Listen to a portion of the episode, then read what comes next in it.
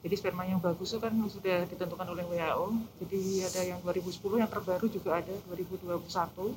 Oh, ada serinya. Ada yang serinya. Seri 2021.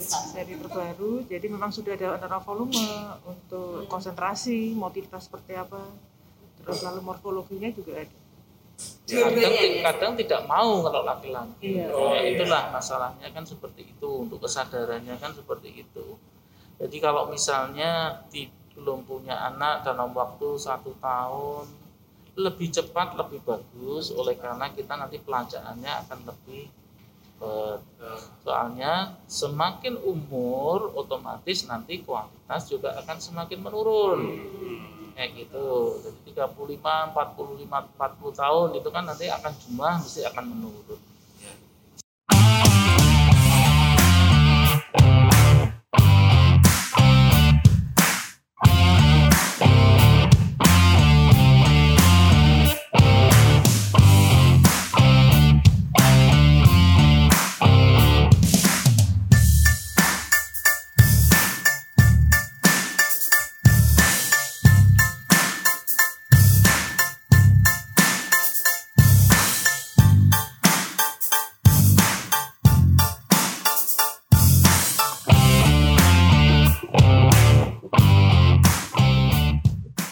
Oke, selamat pagi, selamat siang, selamat sore, selamat malam. Sobat Muardi semua kita ketemu lagi dengan Positif. Podcast Sehat Solutif. Think positive, get more solution. Yeay. Nah, kali ini masih di episode berbau-bau seperti yang kemarin. Kalau Sobat Muardi mengikuti ya, setia mengikuti podcast kita maupun YouTube kita eh, di Positif ini. Kita masih bahas nggak jauh-jauh dari episode yang kemarin. Wah. Seputar polemik dalam rumah tangga. Ya. Wish, sensitif ini. masih seputar ikatan cinta oh enggak ya bukan ikatan cinta tapi ini eh, masalah sensitif dalam eh, rumah tangga biasanya dok ya apa itu dok Nah, iya ini apa ya?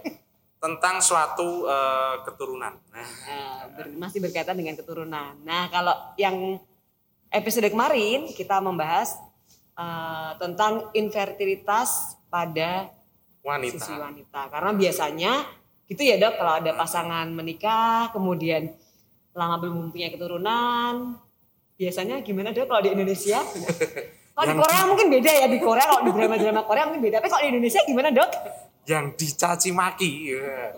terutama sama mertua ini ya, oh gitu ya adalah yang wanita. Tapi mungkin pada ini khusus ya ini disclaimer dulu. Tidak terjadi pada semua rumah tangga gitu ya. Ini ini aja. Buat sobat Muardi eh, bahwa ternyata problematika tentang tadi ya mungkin eh, kesulitan memiliki keturunan memang seringnya disinyalir ya, itu dari Wanita. sisi wanita. Padahal dok. Bisa juga oleh yang pria. Nah, maka dari itu hari ini ya, jadi yang bapak-bapak ini yang laki-laki jangan tenang-tenang dulu ya gitu ya. Siapa tahu justru Anda ternyata ya penyebabnya. Nah, eh, di podcast hari ini kita akan membahas itu ya penanganan infertilitas pada pria. Nah, siang hari ini kita udah kedatangan bintang tamu di sebelah kanan saya. Ini udah Pakar-pakar ya. Pakar-pakarnya ini udah kayak lomba campur ini. Apa kayak ujian skripsi ya dok? Ini ada bel nanti sini ya. Dokter uh, mungkin bisa dikenalkan narasumber kita yang hadir pada siang hari ini. Ya, yang pertama adalah Dokter Bimanggono, spesialis urologi. Selamat siang, pagi, malam, dokter. selamat siang pagi malam Iya, luar biasa. Semangat terus ya. Dan yang kedua ada wah, pakar juga nih, walaupun wanita ya, tapi, Tapi eh, beliau juga pakar androlog. Apa itu androlog dok? Ya nanti biar dibahas sama Oh dokter. iya, pasti penasaran ya. Ini kok membahas tentang pria, tapi kok narasumbernya ada Wanita. wanitanya. Waduh, Iya. ini. Hostnya juga wanita. Ini. Nah, Makanya kita mau buka-buka. Ya, ini adalah dokter Metanolia. Yeay. Assalamualaikum warahmatullahi wabarakatuh. Ya, sehat dokter. Ya, sehat. Alhamdulillah sehat semua. Ya, langsung saja ini dok, tidak eh, ingin berpanjang kata lagi ya. Jadi tadi yang sudah dijelaskan oleh Mbak Mary ya, bagaimana suatu ketidaksuburan atau infertilitas ya. Mungkin saya tanya langsung kepada dokter Meta dulu ini ya. Iya. Ya ini kalau infertilitas bagaimana pada pria? itu yang seperti apa sih dok? Selamat pagi, siang, sore, dan malam ya. Aduh luar Saya biasa. dengarkan dulu nih dokter Oke. spesialis androlog ini apa sih? Mungkin banyak yang belum tahu juga. Oh iya iya iya Iya. sebelumnya tadi. Eh, Oke, sebenarnya eh, andrologi itu jadi eh, mengenai tentang kesehatan reproduksi pria. Jadi kita lebih mengarah ke mungkin eh, untuk analisa spermanya, lalu kesehatan prianya. Seperti itu. Ya. Jadi kalau misalkan tadi yang eh, ditanyakan hubungannya dengan infertilitas, jadi sesuai dengan definisinya sebenarnya eh, seseorang itu kapan sih sebenarnya kalau misalkan eh, dia sudah menikah, terus lalu apa namanya Belum memiliki keturunan. seperti itu. Ya, yang pertama kan memang sesuai definisinya kan kalau sudah menikah 12 bulan seperti itu ya. Satu tahun ya. Iya, ya. satu tahun. Terus lalu sudah berhubungan eh, suami Rutin. istri rutin tanpa adanya kontrasepsi. Tapi ada memang ada beberapa syarat yang eh, bisa dilakukan program jika seandainya wanitanya usianya lebih dari 35 tahun. Kedua, memang ada penyakit tertentu yang menyertai dari prianya. Seperti itu. Hmm. Jadi udah menikah 12 bulan. Iya. Kalau saya pernah dengar itu menikah selama lima tahun belum punya keturunan itu mungkin yang bahasa awamnya menikah lima tahun belum punya keturunan itu apakah juga infertil? Apakah itu lebih dari infertil atau gimana? Ya bisa dikategorikan untuk infertil juga. Kalau lima tahun berarti mungkin telat ya. Karena ternyata telat. sekarang sedang dibangun kesadaran bagi pasangan muda gitu. Jangan nunggu lima tahun gitu ya. 12 bulan aja. 12 bulan sudah cukup eh, mengindikasikan ya dok ya Iya. bahwa harus datang ke dokter. Nah datang ke mana nih gitu kan? Datangnya ke mana nih dok? Kalau lima tahun ya terlambat, udah udah ah, ter- terlalu lama. Terlalu lama ya dok ya. Dulu awalnya itu malah definisinya itu pertama awal itu dua tahun. Hmm. Terus kemudian dipersingkat menjadi 12 bulan satu tahun oleh karena supaya nanti kalau misalnya dengan dia terbukti berarti kan nanti untuk pengobatannya kan lebih dini Oh. kan seperti itu sebenarnya Karena pengobat- biar nggak terlambat gitu ya. Pengobatan juga butuh waktu ya dok. ya Itu meskipun usia muda juga misalnya menikah yang usia muda masih 22 tahun, 23 tahun walaupun setahun belum memiliki keturunan apakah juga termasuk tetap harus aware maksudnya segera ke dokter untuk memeriksakan diri gitu dok? Iya. Pengaruh nggak ke usia? Oh, Pengaruh juga sih sebenarnya, nggak ngaruhnya juga sih sebenarnya lebih ke arah ke klinisnya juga sih. Hmm, iya. Jadi bukan berarti dengan usia muda juga nggak ada keluhan. itu.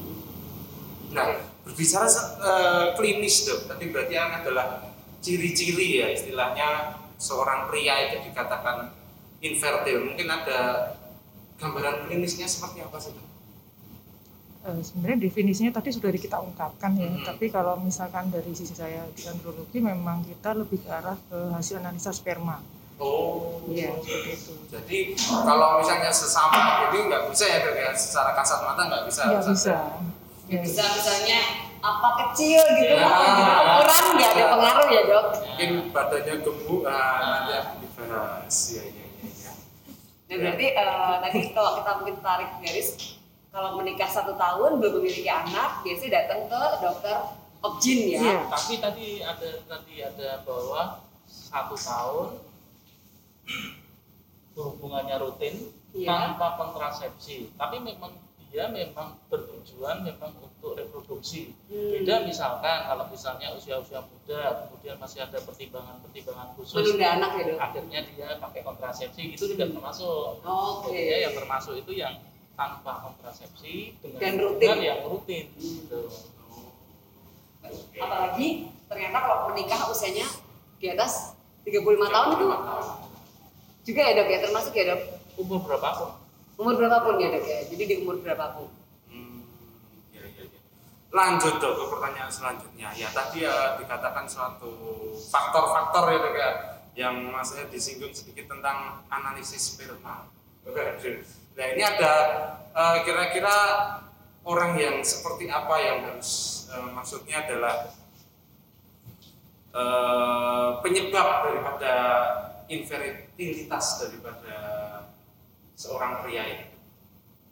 Oke. Dokter Meta. Eh, jadi penyebabnya banyak ya dok ya. Jadi memang yang pertama itu adalah dari gaya hidup itu penting banget. Ya, gaya hidup. Pekerjaan juga ternyata mempengaruhi juga seperti itu. Jadi di kami itu banyak banget yang misalkan dari luar Jawa gitu ya. Untuk datang ke kami itu kan juga faktor psikis dan pekerjaan juga juga mengaruh sekali. ya. Psikis berarti lebih ke psikis dok. ya psikis eh, lalu kebiasaan misalkan dia eh, di tambang gitu ya. Kan memang di tambang itu kan biasanya dia lingkupnya lebih panas. Pakai pakaian lebih ketat misalkan pakai celana yang ketat terus kebetulan dia ada di apa namanya seperti di kendaraan yang besar itu kan kadang-kadang dia panas itu juga ngaruh ya spermanya Berarti pekerjaan itu juga ternyata berpengaruh ya? Pengaruh, Jenis pekerjaan eh, bisa mempengaruhi faktor ketidaksuburan tadi. iya bisa Kalau gaya hidup dok, seperti apa contohnya dok? banyak sih kayak ngerokok gitu Gawat ngomongin kok. Kan ada tadi yang bungkus rokok kalau kita beli rokok kan kan menyebabkan. Ya, ya, ya. Tapi nggak semua gitu. Tapi bisa menyebabkan. bisa menyebabkan. Berarti kalau masih strong tuh berarti ya. ya agak sensitif ini. Oke. Jadi kalau uh, datang ke uh, seorang uh, sebuah pasangan itu sebuah pasangan. Sepasang ya, sepasang suami istri. Kemudian karena belum memiliki keturunan datang dan dilihat oh dari perempuan oke oke aja berarti kita mengarah ke pemeriksaan pria tadi ya diperiksa spermanya. Nah ini dok, kalau ternyata spermanya eh, baik-baik aja misalnya nih, kemudian tuh kapan dia akhirnya tadi ya ada dirujuk karena di klinik sekar di Muardi itu ada klinik sekar klinik infertilitas. Ada juga dokter ada urolog ya dok. Nah ini dokter di Manggona kapan nih dok? Seorang pasien kemudian dirujuk ke dokter urologi. Jadi biasanya untuk tadi misalnya kasus infertilitas itu kan bisa terjadi pada laki-laki dan perempuan. Tapi mungkin karena stigma segala macam, mesti akan berobatnya ke SPOG dulu. SPOG, Nah, kandungan ya, kandungan. Dari kandungan itu biasanya nanti yang perempuan akan diperiksa apakah mungkin sudah dijelaskan yang untuk periode yang kemarin itu jadinya dari ovumnya dari pemeriksaan USG intravagina terus kemudian atensi dari turbanya itu biasanya ke perempuan seperti itu. Tapi untuk laki-laki yang pertama kali itu dari analisa sperma. Nah dari analisa sperma itu baru nanti akan dilihat. Kan ada beberapa macam untuk penilaiannya itu. Bisa karena jumlahnya yang tidak bagus bisa karena gerakannya yang tidak bagus atau memang bentuknya yang spermanya yang tidak bagus. Jadi bentuknya itu maksudnya kelengkapan dari kepala badan ekor itu kan ada ada maksud ada tujuannya masing-masing jadi kalau yang dari urologi itu kan sebenarnya memang eh, membahas dari eh, saluran kencing untuk laki-laki dan perempuan plus dari infertilitas pada reproduksi pada pria. Jadi memang eh, banyak penyebabnya yang untuk eh, infertilitas pada pria. Bisa dari organnya. Pertama dari ini dulu. Sebelum testis. Nah, sebelum testis itu nanti akan ada banyak. Bisa oleh karena satu tadi gaya hidup, stres segala macam itu juga akan mempengaruhi nanti ke situ. Yang kedua bisa karena hormonnya yang mempengaruhi dari nanti kualitas dari spermanya. Terus yang ketiga itu nanti apakah eh, obesitas itu juga nanti juga mempengaruhi. Terus testisnya, testisnya itu sebagai dia eh, pabriknya lah, pabrik untuk membentuk sperma sperma. tadi Ya, pabriknya bagaimana? Apakah itu bagus atau tidak? Soalnya pengaruhnya nanti banyak sekali, bisa karena ada kistanya, ada bisa karena oval, ada varikokel, ada eh, masalah di apa namanya itu eh,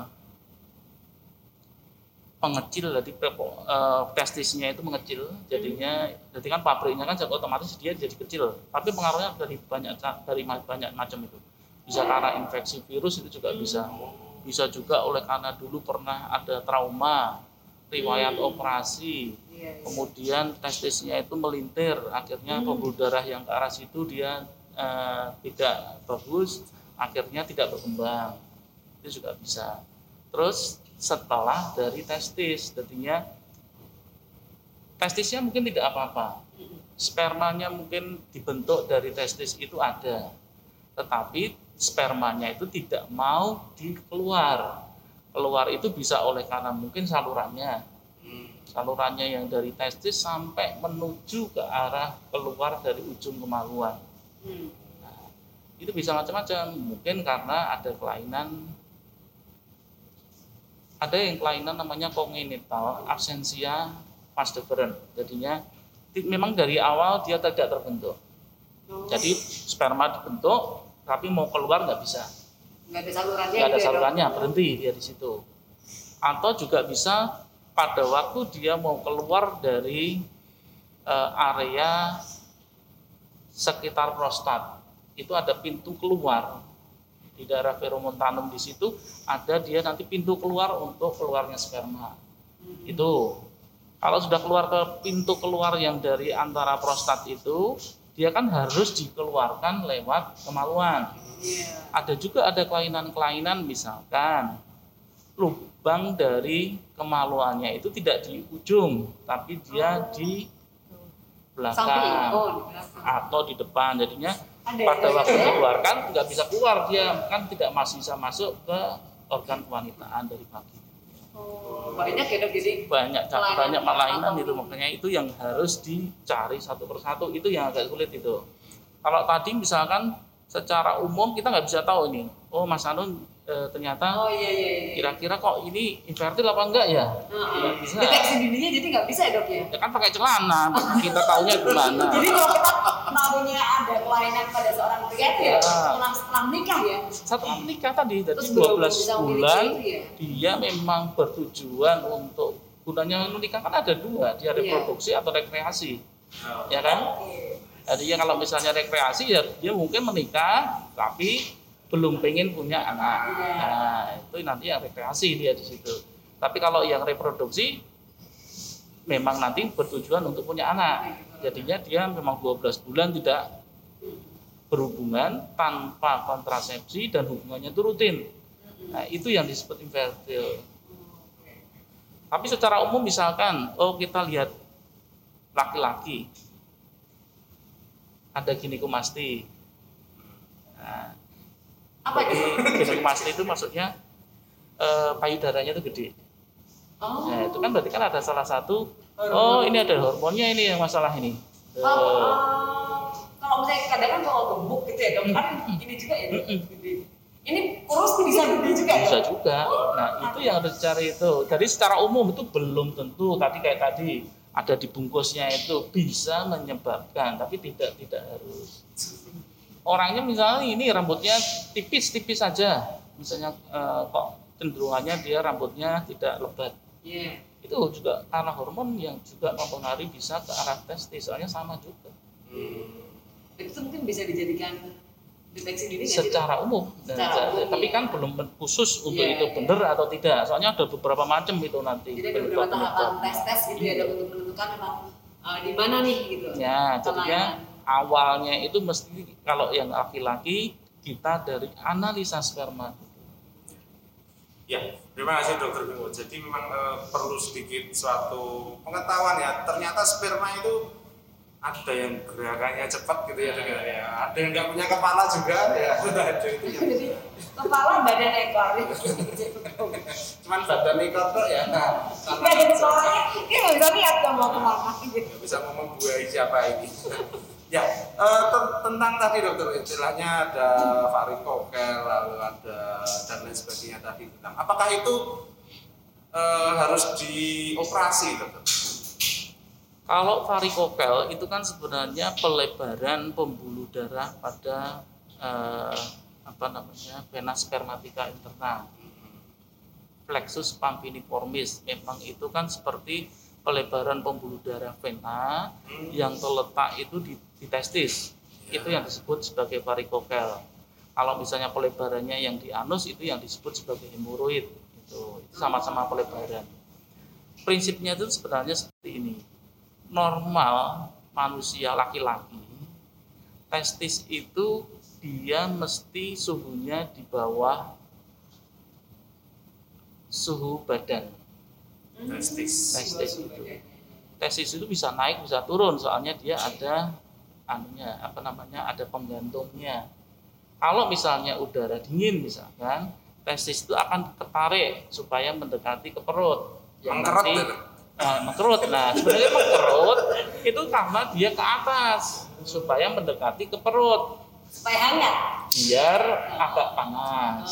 Tapi kalau misalnya udaranya panas, dia akan turun supaya tidak terlalu panas di perut di bagian badan. Jadi sekitar 3 derajat lah untuk ininya itu. Kalau plexus papilliformis itu sebenarnya kan pelebaran pembuluh darah. Dengan pelebaran pembuluh darah itu nanti alirannya itu tidak lancar karena tidak lancar, di situ akan membuat panas. Satu. Kedua, produk-produk yang harusnya dikeluarkan lewat pembuluh darah itu stagnan dia di situ. Nah, itu nanti akan menyebabkan nyeri. Satunya. Jadi varikokel itu dioperasi. Itu kalau di sini ya, di Indonesia maksudnya. Iya. Oh, kalau di luar negeri tanpa Beda. operasi bisa. Maksudnya varikokel itu akan dioperasi kalau satu ada institusi yang mempersyaratkan tidak ada varikokel. Kepolisian di eh, eh, tentara TNI itu komponen itu. Kedua, kalau tadi infertilitas dalam waktu satu tahun menikah tidak ber- udah berhubungan rutin tapi kok belum punya anak terus kemudian ada varikokelnya itu nanti akan dioperasi kayak gitu jadinya itu tadi. Ketiga produk-produk yang harusnya keluar itu nanti akan menyebabkan nyeri. Jadi ada tiga sebenarnya. ya. Ada tiga. Tapi kalau nyeri itu masalahnya 50-50 jadinya eh, kalau dioperasi itu bisa nyerinya bisa hilang atau nyerinya masih bisa timbul. Jadi kalau 50-50 tinggal kita arahkan pada pasien mau nggak mau dioperasi atau pakai obat-obatan. Tetapi kalau dari institusi yang mempersyaratkan kan memang harus dioperasi. Kalau karena infertilitas itu dengan dioperasi itu akan ada peningkatan kualitas sperma itu sekitar 95%. peningkatan Peningkatan dari kualitas sperma. Biasa ya. Baik dari satu tadi, dari jumlahnya, baik dari gerakannya atau bentuknya. Itu tadi, itu Oh, bisa pengaruh ya, Dok? pengaruh. Terus kedua gini misalkan, laki-laki laki-laki punya varikokel, tetapi dia bisa menghamili. Varikokelnya nggak perlu diapain, gitu loh maksudnya. tidak mutlak Tidak mutlak harus dioperasi. termasuk berarti kayak misalnya ada apa hipospadi atau epispadi itu Mm-mm. walaupun bisa menghamili nggak masalah ya Iya, jadi masalah. Tapi kalau dengan hipospadi itu kan tergantung dari ininya, dari anatominya sebenarnya. Kalau dia cuma misalkan kita anggap ya, kita anggap ini penis misalkan. Normalnya itu kan dia di ujung ujung. Nah, ada yang dia di sini, di subcorona. Nah, subcorona ini masih bisa ini secara anatomi dan fisiologi ini masih bisa untuk menyemprot dari sperma nanti masuk ke uterus. gitu kan. menyemprotnya ke Ya, bawah ya. menyemprotnya kan juga. Tapi kan semprotannya kan akan agak lebih ke bawah. Beda sama yang di di ujung. Iya. Gitu. Nanti kan akan akan ber apa akan berkurang di sini. Bisa di sini juga di tengah di sub penisnya itu. Nah, di sub penisnya itu otomatis nanti kan yang disemprotkan akan ini akan namanya akan ber- lebih berkurang terhalang. Kalau di sini nggak mau masuk, keluar dia, itu loh maksudnya. Ini yang, tapi kan tidak semuanya itu. Misalkan kalau misalnya dia di ujung, oh tidak mau dioperasi pasiennya. Ada berbagai macam cara. Tadi kan nanti yang dari SPOB-nya. Spermanya dihantarkan, didekatkan ke situ yang namanya inseminasi. Oh, iya. Tapi syaratnya analisa sperma harus normal. Hmm. Kalau analisa spermanya tidak normal atau batasannya itu jumlahnya itu lebih dari 10 juta. Kalau kurang dari 10 juta, inseminasi biasanya tidak terlalu berhasil. Oleh karena spermanya itu sebelum dimasukkan itu nanti dia akan dibosing dulu. Maksudnya dia akan di yang jelek-jelek itu dibuang. Jadi kan akan semakin sedikit dengan jumlah sperma yang semakin sedikit angka keberhasilannya nanti akan semakin menurun seperti itu. Jadi Ibu Smadi saya tidak mau dioperasi nih. Nah, pakai inseminasi, pakai ITSI tadi yang bayi tabung. Dengan metode-metode lainnya ya. Iya. Ada juga bisa. Ya, tapi kalau mau normal ini harus dibenerin supaya nanti bisa terjadi kehamilan secara normal. Oh iya, iya. Siap siap dokter. Ya, ini tentang analisis sperma dokter. Eh, setelah saya berpindah ke dokter Meta. Eh, tadi dok ada istilahnya ada apa namanya gaya hidup ya dok. ya. Ya ini pertanyaan yang biasanya sangat-sangat awam. Dok. Kebiasaan masturbasi pada pria, apakah itu mempengaruhi daripada suatu kualitas sperma? Dok? Sebenarnya kalau kegiatannya untuk masturbasi sendiri eh, secara beberapa jurnal pun mengungkapkan eh, tidak terlalu berpengaruh ya. Tidak terlalu Iya, berpengaruh. Tergantung dari bahannya yang dipakai untuk masturbasinya. Jangan senyum-senyum dulu. Tergantung nih bahannya apa. Bahan apa? Emang ada Bahannya apa? Mau yang lembut, halus atau yang Oh, satu yang yang berbahaya supaya sobat di konsep apa dok yang ternyata membahayakan sebenarnya bukan membahayakan ya lebih seperti karena rasa kan beda ya apa tekanan pada tangan daripada di dalam vagina ya. Jadi biasanya mereka lebih kayak banyak tekanan terlalu kuat, terlalu strong strong ya. Kadang-kadang rasanya kayak ini apa namanya ngeluh kayak berdarah atau malah merusak ya Iya. bisa merusak ini nggak sih merusak anatomi anatomi daripada penis. karena gerakan yang terlalu hard gitu.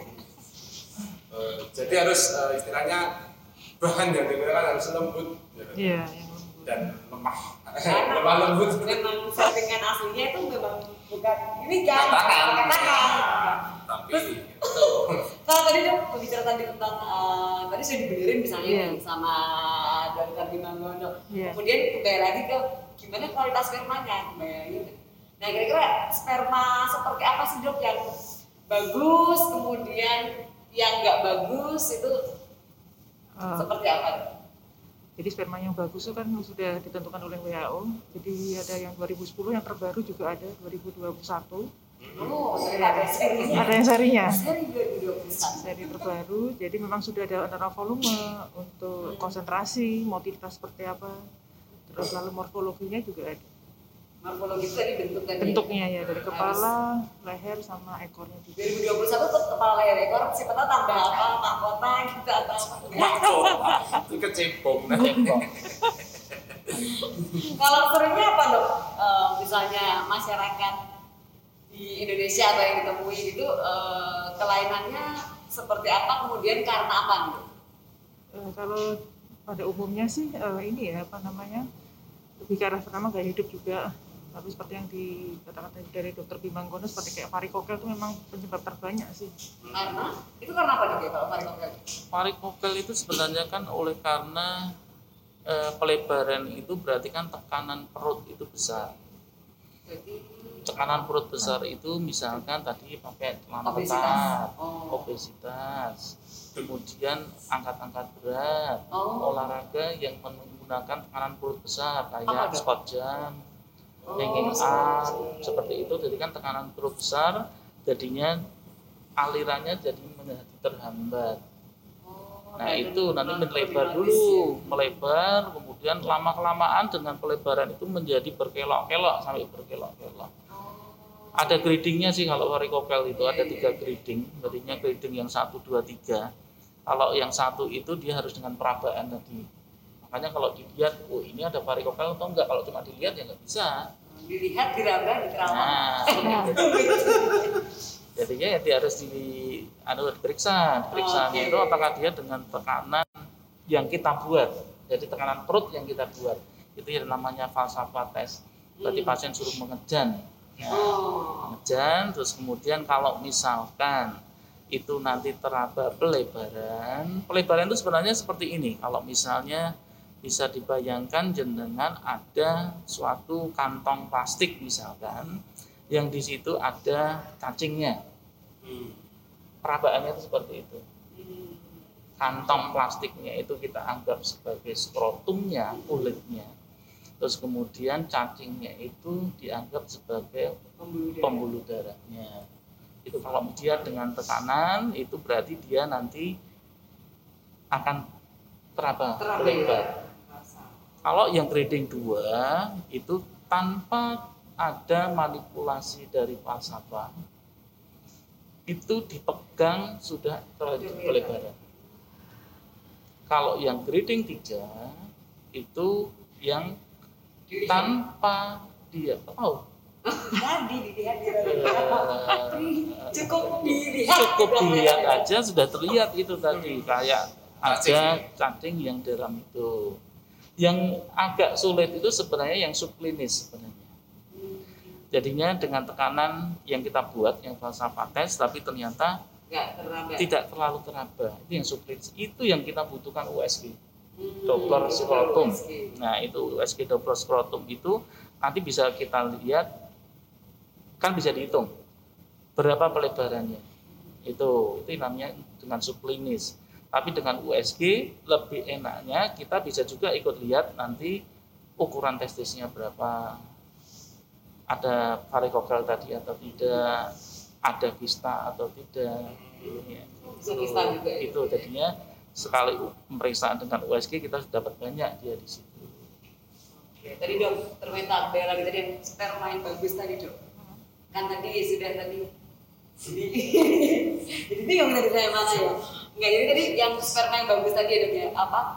Eh, dari jumlahnya tadi kan eh, morfologinya apa gerakannya. lagi, Dok? Gerakannya. oh sama gerakan Iya. nah gerakan tuh gimana nih yang no, yang bagus yang cepat berapa Iya. kilometer per jam Jadi kalau untuk kategori yang 2021 itu sekarang kembali ke tahun 99. Jadi jadi empat kategori. Yang pertama adalah progresif, yang kedua adalah slow progresif, yang ketiga adalah non progresif, yang keempat adalah immotile. Seperti itu. Biasanya pada yang immotile itu memang kita punya kriteria. Misalkan itu memang lebih dari 40%, biasanya kita tes dengan tes vitality sperma hmm. untuk mengetahui apakah memang sperma ini memang mati atau enggak seperti itu atau biasanya kita lakukan DNA fragmentasi indeks itu kita lakukan untuk eh, orang atau pasangan yang memang ingin eh, arahnya ke bayi tabung perbaiki Ya. daripada sel-sel Ya. prinsipnya kan sebenarnya kalau terjadi eh, reproduksi itu kan ada pertemuan antara sperma dan ovum. Kalau misalnya jumlahnya cuma sedikit, itu pakainya tadi itsi, soalnya dibutuhkan cuma satu sperma aja. Hmm. Kecuali kalau misalnya pada waktu pengambilan telur itu ternyata ada empat misalkan, ya kita butuh empat sperma. Berarti satu telur dengan satu sperma. Oh sudah langsung dipilih satu bisa sperma gitu satu ya? aja. Yang bagus kemudian dimasukkan. Tapi kalau misalnya yang kedua yang grading yang paling yang, anu, bisa dengan menggunakan inseminasi tadi. Tapi ada syarat-syaratnya yang tadi disebutkan dokter Meta harus lebih dari 10 juta bentuknya nanti bagaimana itu kan sebenarnya mendekatkan mendekatkan kalau itu prinsipnya itu mendekatkan sperma menuju jalan ini ya Terus yang ketiga ya hubungan biasa, hubungan yang pakai kalender itu kalau syaratnya memang laki-laki perempuan normal semua, ya. dengan menggunakan kalender. Jadi prinsipnya itu ada pertemuan, ada sperma dan ovum tadi untuk reproduksi. Kalau untuk penanganan sperma sendiri dok, misalnya ternyata oh ditemukan spermanya tidak lengkap, misalnya morfologinya, bentuknya atau kecepatannya mungkin atau lain-lainnya itu, nah itu yang dilakukan biasanya apa dok oleh dokter? Terapi atau? Oh iya pasti terapi. Terapi kita terapi kita lalu kita evaluasi lagi tapi kan kadang-kadang kan juga nggak harus abnormal juga. Ada kadang-kadang ada yang misalkan uh, spermanya bagus wanitanya nggak bermasalah. Kita kan tahu kalau itu nggak ada penyebabnya apa ya. Kita biasanya ada tes namanya antibody anti sperma jadi memang kadang-kadang ada beberapa kasus antibody anti spermanya oh anti, jadi dari yang wanitanya ya? bisa wanitanya bisa prianya. Oh gitu. antibody antisperma berarti kayak seperti alergi. Iya. Menolak gitu. menolak. Iya Kasian juga ya kalau Iya. alergi itu kalau gitu bisa nggak sih dok? Bisa hamil nggak? Maksudnya dibantu bayi tabung gitu, -gitu Iya, bisa? memang bisa ya? iya, memang jalannya ke bayi tabung. Oke. Jadi masih ada jalan keluar, jadi jangan Iya. jangan patah harapan, patah arah. ya. Ya. Kalau tadi terapinya obat ya dok ya berarti ya? Minum vitamin-vitamin begitu atau? Eh, ada beberapa terapi sih tapi itu masih kontroversi ya jadi memang masih belum ada evidence-nya itu masih em, 50-50 lah gitu aja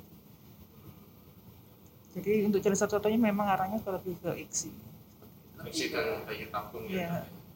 Ya tentang suatu penanganan dokter walaupun eh, operasi maupun dari segi obat eh, dari pasien-pasien yang dokter terima itu tingkat keberhasilannya kira-kira berapa persen? dokter? Monggo dokter Bima Gona atau dokter Meta. Sebenarnya kita eh, yang agak sulit itu kalau laki-laki masalahnya kan. Oh lebih sulit ya dari. lebih sulitnya itu maksudnya untuk kita mendata Oh. untuk mendata itu akan sulit misalkan kita ibaratkan laki-laki perempuan ternyata perempuan tidak bermasalah berarti kan yang diterapi cuma laki-laki Hmm. apakah dengan obat apakah dengan diet makanan yang untuk pembentuk sperma atau dengan operasi gitu. Untuk operasi kalau misalnya dengan obat jelas nanti kita ini dia nanti akan dalam waktu jangka tertentu kan nanti kita harus kita sebenarnya kan harus rutin dia nanti untuk kita lihat. Dengan kita lihat sebenarnya kita tahu oh ini sebenarnya udah berhasil atau belum sih? Kayak gitu. Tapi eh, kalau misalnya ada opera, pasien dioperasi varikokel misalkan itu kan butuh waktu enam bulan supaya terjadi kualitas sperma itu akan membaik 95% itu dibutuhkan waktu agak lama 9 6 bulan itu masalahnya. instan ya? Nah, jadi tidak bisa langsung instan. Habis operasi pun juga pasien ti- tidak boleh berhubungan oleh karena Oh. nanti kan kan sakit, misal kalau sakit mau berhubungan, menahan? jadinya eh, itu habis operasi misalkan kita tunggu enam bulan enam bulan itu kan harapannya dalam waktu enam bulan itu akan perbaikan 95 Iya. kalau misalkan dalam waktu enam bulan kok ternyata belum bisa mengambil istrinya itu kita analisa sperma lagi. Kita lihat bagaimana perbaikan atau perkembangan dari sperma sebelum operasi. Tetapi kalau misalnya sudah bisa mengambil biasanya juga tidak akan dia kembali. Oleh karena kan dia sudah kan berhasil. tujuannya kan berhasil. Kayak gitu. Nah, biasanya yang lebih anu itu nanti ke ini ke SPOG oleh karena kan kadang-kadang ada ada uh, antena kamer. Di situ. Jadi secara data kok kemudian ini berapa saya yang belum dapat ini. Tapi eh, banyak ya dok, saya banyak eh, laki-laki tadi yang ternyata bermasalah, kemudian di katakanlah ada yang dioperasi, Mhm. ada yang itu, kemudian beres eh, bisa menghamili ya atau Ah. misalnya itu Mhm. banyak ya dok. Banyak. Ya, dari kualitasnya sperma sendiri meningkat sebanyak 95%. 95%, tapi nggak tahu keberhasilannya karena eh, tadi dari dokter Bimo sendiri memberi kesaksian susah dilacak ya. Kalau kira-kira gagal misalnya nih ada yang sudah coba terapi kemudian gagal tuh biasanya karena apa? Nah, banyak faktor sih sebenarnya Eh, tergantung dari faktor wanitanya juga atau misalkan eh, dari stimulasinya juga kita kan juga harus lihat juga kalau dari pria kita lihat misalkan eh, biasanya kalau mau program itu saya minta eh, si bapaknya istirahat. Kadang-kadang itu kan kalau dari luar Jawa itu dia datang pada hari H. Oh. iya. Kadang pengaruh juga kan ke kualitas sperma Ya, iya, juga. dari jauh. Iya dari jauh seperti itu. Atau mungkin eh, apa namanya ada hal-hal misalkan eh, dia kan kalau misalkan kita mau apa pasien itu mengeluarkan sperma itu kan mikir biasanya saya ngeluarin nggak ada paksaan tapi ini hari itu saya harus keluar itu mikir juga terpaksa Ini PR-nya buat istrinya Iya. berarti gimana caranya? karena banyak hari H itu kadang-kadang nggak keluar sama sekali Oh iya, soalnya emang ditentukan ya dok ya berhubungannya Iya. ya kalau lagi program gitu hari ini Iya. jamnya ditentukan juga kan? iya Oh iya iya. Oh. kadang kan gitu juga kan Nah, itu ngaruh banget sih. oh iya. Secara psik- psikis ya dok. ya secara skis juga pengaruh tapi yang paling penting adalah kita kan ini ikhtiar ya Iya. tapi tetap yang menentukan Allah Yang di atas ya. Kita hanya berusaha tetap selebihnya. tim-tim daripada eh, medis kalau sudah sudah bagus wanita nggak ada masalah pria nggak ada masalah ya tinggal berdoa saja istilahnya. Nah karena tinggal berdoa tadi ini untuk uh, closingnya ya kalau untuk kita sendiri pesan untuk sobat Wardi yang sedang menyaksikan ya mungkin terutama untuk pasangan-pasangan yang saat ini masih menanti keturunan. Apa dok pesannya buat kalau pesan saya jangan ini ya jangan malu pokoknya silahkan datang ke klinik sekar dokter Muardi kita melayani jangan malu ya, ini penting ini ya karena pria kan biasanya nggak punya anak itu eh, mohon maaf nggak mau cek gitu Iya. Ya, itu. yang penting jangan malu kadang, ya. kadang tidak mau kalau laki-laki Iya. Oh, Ya, iya. itulah masalahnya kan seperti itu untuk kesadarannya kan seperti itu jadi kalau misalnya di, belum punya anak dalam waktu satu tahun lebih cepat lebih bagus. Oleh karena kita nanti pelajarannya akan lebih eh, soalnya semakin umur otomatis nanti kualitas juga akan semakin menurun. Kayak gitu. Jadi 35 45 40 tahun itu kan nanti akan jumlah mesti akan menurun. Ya. ya itu kan eh, biasa udah apalagi dari sisi perempuan juga kalau semakin semakin Tua juga tua resiko terbatas, kehamilan iya. akan semakin kalau laki-laki sampai eh, sam- nggak ada batasannya tapi masalahnya mesti akan semakin menurun ininya Ya.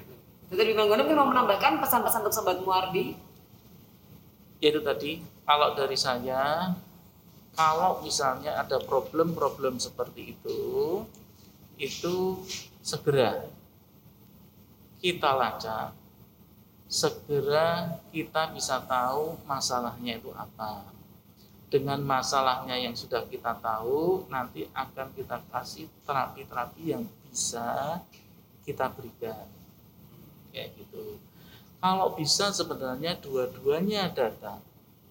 Baik suami dan istri berarti kita jelaskan bersama kita diskusi bersama biar lebih enak. Mungkin kalau misalnya kita cuma bertemu dengan kalau laki-laki kita laki-laki tok misalkan. Suami yang istrinya tidak dilibatkan. Nanti tidak akan ini tidak eh, akan eh, klop gitu sebenarnya. Jadi dua-duanya kita libatkan sekalian jadinya eh, lebih enak. Penjelasannya juga akan lebih enak karena tanggung jawab bersama ya. Punya keturunan nggak bisa satu aja. Kita kan? Bukan dua. gitu loh. Itu tetap harus ada kerjasama dari Ya. suami dan istri. Biasa. dan memang di Sekar Muardi itu lengkap dong Iya. lengkap ya jadi di Sekar Muardi ini eh, klinik Sekar Muardi atau klinik ingin punya anak ya itu eh, ada dokter SPOG untuk kandungan. kandungan untuk eh, konsultan fertilitas kemudian ada dokter androlog untuk dari sisi pria prianya juga disupport oleh dokter Bimanggono untuk urologi. Kalau ada tindakan-tindakan tadi membutuhkan invasi bedah betul. dan sebagainya. Begitu Ya, luar biasa sekali ini Mbak Mary pembicaraan kita ya walaupun agak sedikit eh, sensitif tapi ternyata kita bisa mendalaminya lebih dalam lagi tentang bagaimana suatu infertilitas pada pria. Iya. ini sebelum closing ada yang saya penasaran dok dok kalau di sekar itu kan memang nggak ini tentang pembiayaan ya kita lupa bahas ya kalau untuk eh, di sekar ini kan memang untuk fertilitas di BPJS tidak menanggung Tidak. apa kalau misalnya tadi ditemukan dokter seperti dokter bangun bilang bilang apa karena ada anatomi seperti itu apakah bisa dok Ada yang bisa ditanggung untuk BPJS itu bisa. Oh jadi yang Misalkan bisa ah, varikokel yang bisa ditanggung untuk sekarang ya, tapi kalau untuk untuk berikutnya saya nggak tahu untuk BPJS ya satu sisi masalahnya. Oke. kayak gitu. Terus eh, kelainan-kelainan yang lain itu bisa tertanggung biasanya. Oke, jadi intinya Tapi ada nanti ada yang men- bisa, ya, ada yang tidak. sesuai dengan Ya, analisa dan ketentuan biasa- dari BPJS. ya. Biasanya kita cuma menjelaskannya kan secara klinisnya. Terus kemudian untuk masalah eh, penanganan operasinya, eh, eh, apa nama pembiayaan segala macam itu kan nanti biasanya ada timnya sendiri Ya, yang untuk betul. masalah itu yang mengurusin kayak gitu. Oke, itu eh, ini aja tambahan informasi ya untuk sobat Muardi. Mungkin tadi yang eh, nonton acara ini dan eh, kira-kira penasaran gitu ya, ini kenapa ya kita sudah berumah tangga gitu kan, sudah eh, puluhan purnama gitu tuh masih belum bikin turunan, mungkin bisa langsung memeriksakan diri atau datang konsultasi ke klinik Sekar Muardi. Ya, eh, waktu juga yang memisahkan kita ya luar biasa. Eh, terima kasih kepada narasumber-narasumber pakar-pakar dari Rumah Sakit Dr. Marti, Dr. Bimanggono dan Dokter Dr. Meta, terima kasih. Luar biasa. Ya, eh, rekamannya ada di mana, Mbak?